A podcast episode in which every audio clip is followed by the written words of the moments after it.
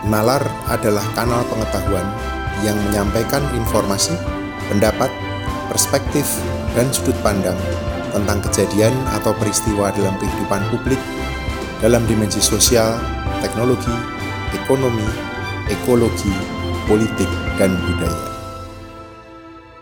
Selamat datang di kanal Nalar, mencari makna dalam peristiwa.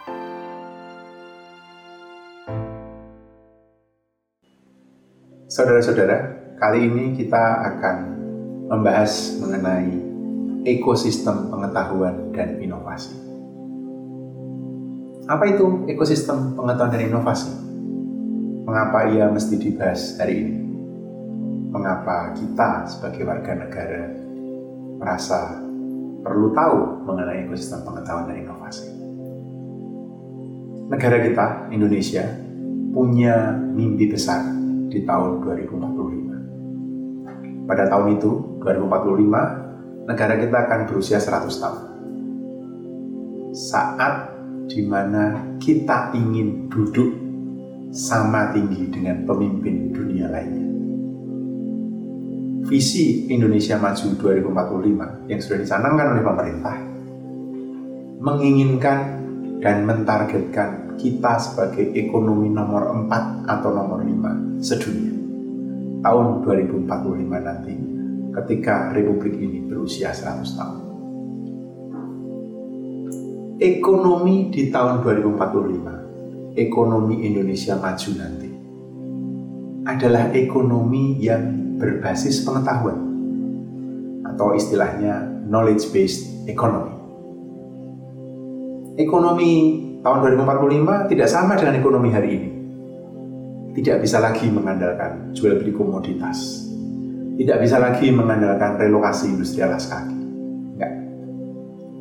Ekonomi tahun 2045, ekonomi Indonesia saat itu haruslah ekonomi yang berbasis pengetahuan kalau kita mau menjadi bagian dari pemimpin dunia masalahnya ekonomi pengetahuan membutuhkan ekosistem pengetahuan. Dan itu belum serius kita bangun sayapnya. Jadi hari ini kita mau membahas ekonomi pengetahuan itu. Kita mau melihat pengetahuan dan inovasi itu punya peran apa. Kenapa harus sekarang? Bukankah kita sekarang sedang ada di tengah-tengah pandemi? Bukankah jauh lebih penting membicarakan soal bagaimana keluar dari pandemi ini ketimbang membicarakan ekonomi pengetahuan dan inovasi? Justru pandemi ini membuka mata bahwa ternyata ekosistem pengetahuan dan inovasi itu kalaupun tidak belum ada dia belum bekerja dengan baik. Masih ingat betapa banyak kritik yang ditujukan kepada pemerintah? Cara pemerintah menangani pandemi mulai dari kritik bahwa kebijakan pemerintah anti sains, bahwa kebijakan pemerintah tidak berbasis data, bahwa kita tidak punya kurva epidemiologi, bahwa keberhasilan new normal diletakkan hanya semata-mata di pundak warga negara. Ya kan? Ini menunjukkan justru pandemi ini menunjukkan betapa pentingnya kita harus membangun ekosistem pengetahuan dan inovasi itu dari sekarang. Sehingga ketika negara ini dilanda krisis, ia bisa bangkit lagi. Sehingga mimpi 2045 itu bisa kita wujudkan. Tidak tinggal mimpi saja. Apa itu ekosistem pengetahuan dan inovasi? Ada dua cara pandang sebenarnya. Cara pandang pertama melihat bahwa inovasi itu bagian dari pengetahuan.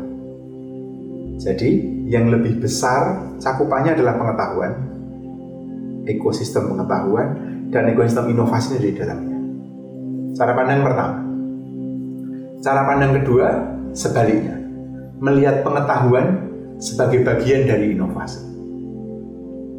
Saya tidak hendak mempertentangkan dua-duanya. Saya tidak hendak memilih mana yang lebih penting, mana yang lebih benar, tidak. Mengapa? Karena baik ekosistem pengetahuan dan ekosistem inovasi, hemat saya, mereka punya komponen dan aktor yang sama. Itu lebih mendasar. Jadi baik bagi mereka yang mempercayai pengetahuan itu lebih dari sekedar inovasi, ataupun bagi mereka yang mempercayai inovasi itu lebih dari sekedar pengetahuan, bagi saya bukan itu perkara. Perkaranya adalah apakah komponen-komponen dan aktor-aktor di dalam ekosistem inovasi dan pengetahuan itu tumbuh dan berkembang di Indonesia. Karena itu yang kita mau. Ekosistem pengetahuan dan inovasi yang berjalan dengan baik, yang tertata dengan baik, punya setidaknya tiga hasil, tiga output. Output pertama adalah apa yang selama ini kita dengar dengan istilah hilirisasi atau downstream hasil-hasil riset downstream atau komodifikasi hasil-hasil penelitian. Hasil pertama. Dan kalau kita ingat, pemerintahan Pak Jokowi ini mendorong hilirisasi, komodifikasi hasil-hasil penelitian agar daya saing bangsa meningkat, agar kita bisa mengekspor, agar kita menjadi pemain ekonomi dunia yang basisnya inovasi. Tapi ekosistem pengetahuan dan inovasi bukan hanya ini hasil. Hasil yang kedua adalah kebijakan publik yang lebih baik. Karena ekosistem pengetahuan dan inovasi itu kalau berjalan, yang terjadi adalah pengetahuan diintegrasikan dalam kebijakan. Pengetahuan diintegrasikan dalam rencana pembangunan. Dan rencana pembangunan yang baik adalah rencana pembangunan yang tidak hanya mentargetkan tujuan pembangunan, tetapi juga mengantisipasi dampak. Kita tahu perubahan iklim, kita tahu tergusurnya masyarakat adat, kita tahu bagaimana ketimpangan masih terjadi. Bukankah itu yang mau diatasi dengan pembangunan? Iya, benar. Tapi juga kalau pengetahuan itu terintegrasi dalam proses kebijakan, maka kebijakan dan perencanaan pembangunan itu akan makin baik, makin utuh.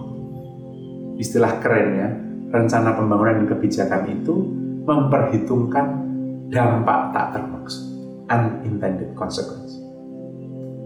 Nah, hasil yang ketiga dari ekosistem pengetahuan dan inovasi yang baik adalah kapasitas negara dan proses bisnis pemerintah yang lebih baik. Karena pengetahuan masuk dalam seluruh proses kebijakan, pengetahuan itu juga memberi terang, memberi arah bagaimana reformasi birokrasi dilakukan, maka kapasitas negara meningkat. Kapasitas pembuat kebijakannya makin baik, makin tinggi. Keluasan kelembagaan negaranya makin baik. Nah, itu hasil dari ekosistem pengetahuan dan inovasi. Kalau iya, berjalan dengan baik. Saya sampaikan tadi, ekosistem pengetahuan dan inovasi itu punya komponen dan punya aktor. Apa komponen? Setidaknya ada lima.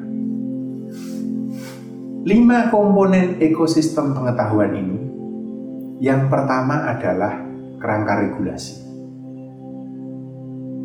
Regulasi, iya. Regulasi dibutuhkan. Regulasi dibutuhkan agar pengetahuan dan inovasi itu bisa diintegrasikan dalam seluruh aspek hidup. Kita sudah punya Undang-Undang Nomor 11 tahun 2019. Ini adalah undang-undang mengenai Sistem Nasional Ilmu Pengetahuan dan Teknologi, SINAS IPTEK.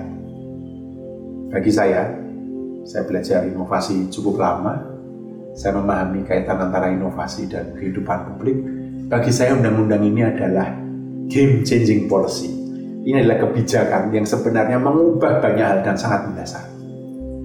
Tapi tentu undang-undang itu saya tidak cukup, butuh aturan turunan. Kita mesti memastikan peraturan turunan dari undang-undang ini memang menumbuhkan ekosistem ini.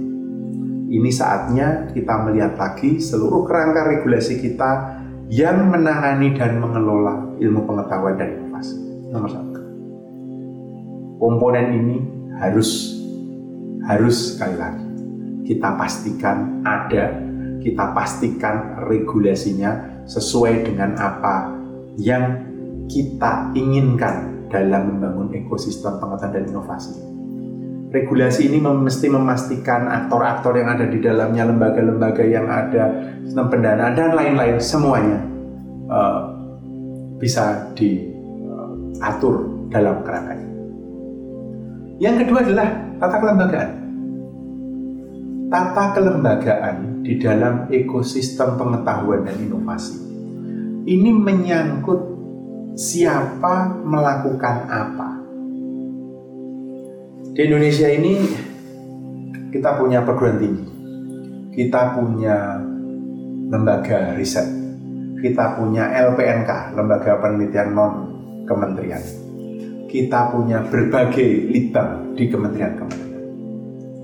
Masih ingat saat Presiden sempat marah ketika dana penelitian sekitar 26 triliun tidak ada hasilnya dalam kata-kata Presiden dana penelitian diejar-ejar. Ini menunjukkan bahwa tata kelembagaan itu belum berjalan dengan baik. Kita punya banyak lembaga riset, kita punya banyak institusi yang menjalankan riset, tetapi mereka tidak berjalan sedemikian sehingga hasilnya nampak. Ketika pandemi COVID-19 terjadi, Orang bertanya, apa Indonesia tidak bisa menyiapkan vaksin? Apa kita tidak bisa membuat ventilator? Ini pertanyaan yang menyangkut kapasitas orang, tapi juga lembaga. Artinya, kelembagaan riset itu sendiri belum cukup kuat, karena selama ini kita juga tidak memprioritaskan riset. Itu adalah aspek kedua atau komponen kedua dari ekosistem pengetahuan dan Komponen yang ketiga adalah mekanisme tata kelola dan akuntabilitas. Agar ekosistem inovasi dan pengetahuan ini tumbuh, perlu mekanisme akuntabilitas tata kelola.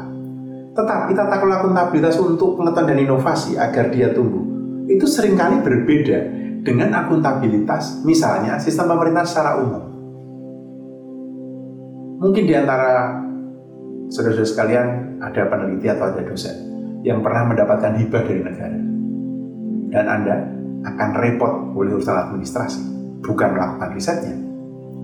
Anda makan harus mengumpulkan bon dari warung tegal, Anda perjalanan ngumpulin tiket atau boarding pass itu kan saya tahu tidak tentu saja tidak perbandingan apple to apple. Tapi ketika saya masih menjadi peneliti di Inggris, saya tinggal di sana cukup lama. Sebagai peneliti, fokus saya meneliti. Saya nggak ngurusi itu boarding pass atau bond itu. Saya punya sekretaris atau asisten yang ngurusi itu. Pelaporan yang mengerjakan dia. Jadi ada aspek manajemen riset, tapi juga ada aspek akuntabilitas. Anda mengajukan proposal penelitian, anda ajukan awal tahun, disetujui bulan April, duitnya keluar bulan Juni. Pada bulan November, Anda sudah mempertanggungjawabkan riset apa yang bisa dikerjakan? Nggak ada. Nature dari research adalah biasanya bertahun jamak multi year. Kita mesti mengembangkan mekanisme good governance, tata kelola yang baik sekaligus mekanisme akuntabilitas agar pengetahuan dan inovasi itu tumbuh.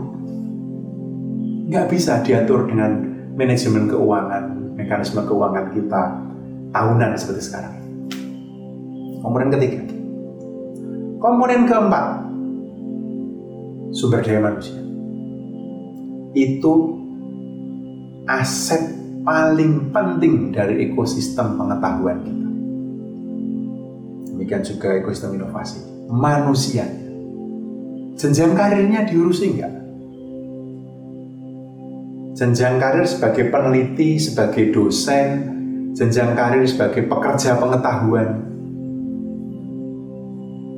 Sering pasti dosen atau peneliti nyambi di tempat lain karena gaji nggak cukup, ya kan?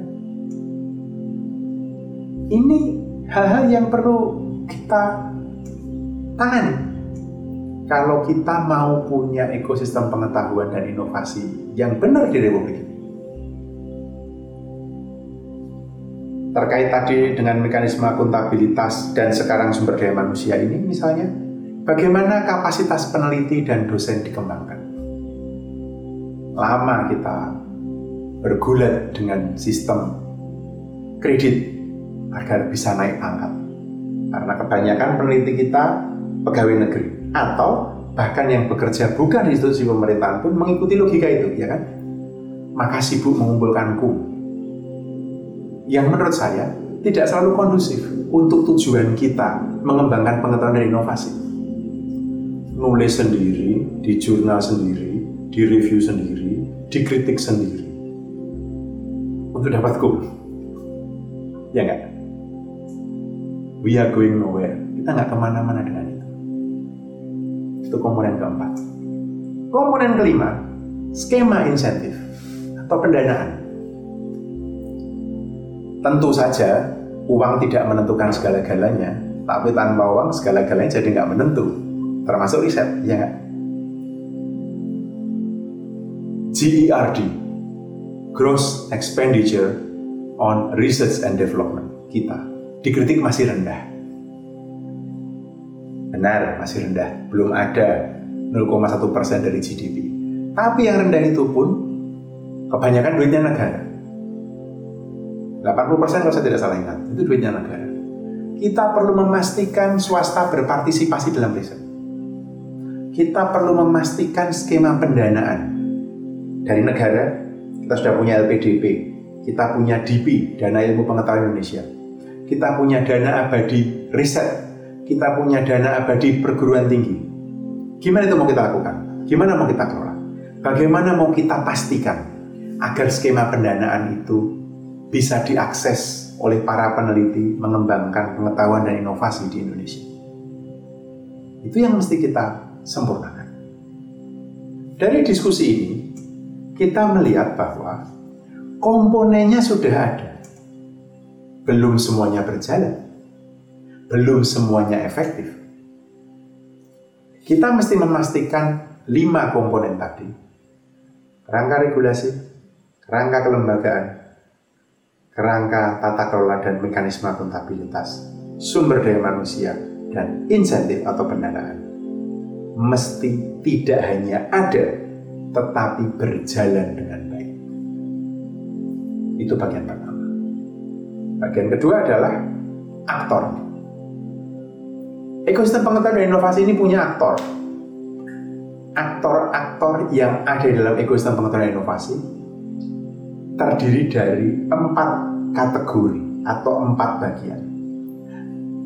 Mereka tidak terpisah, tidak mutually eksklusif, tapi saling berimpitan, saling beririsan. Tetapi punya fungsi yang berbeda-beda.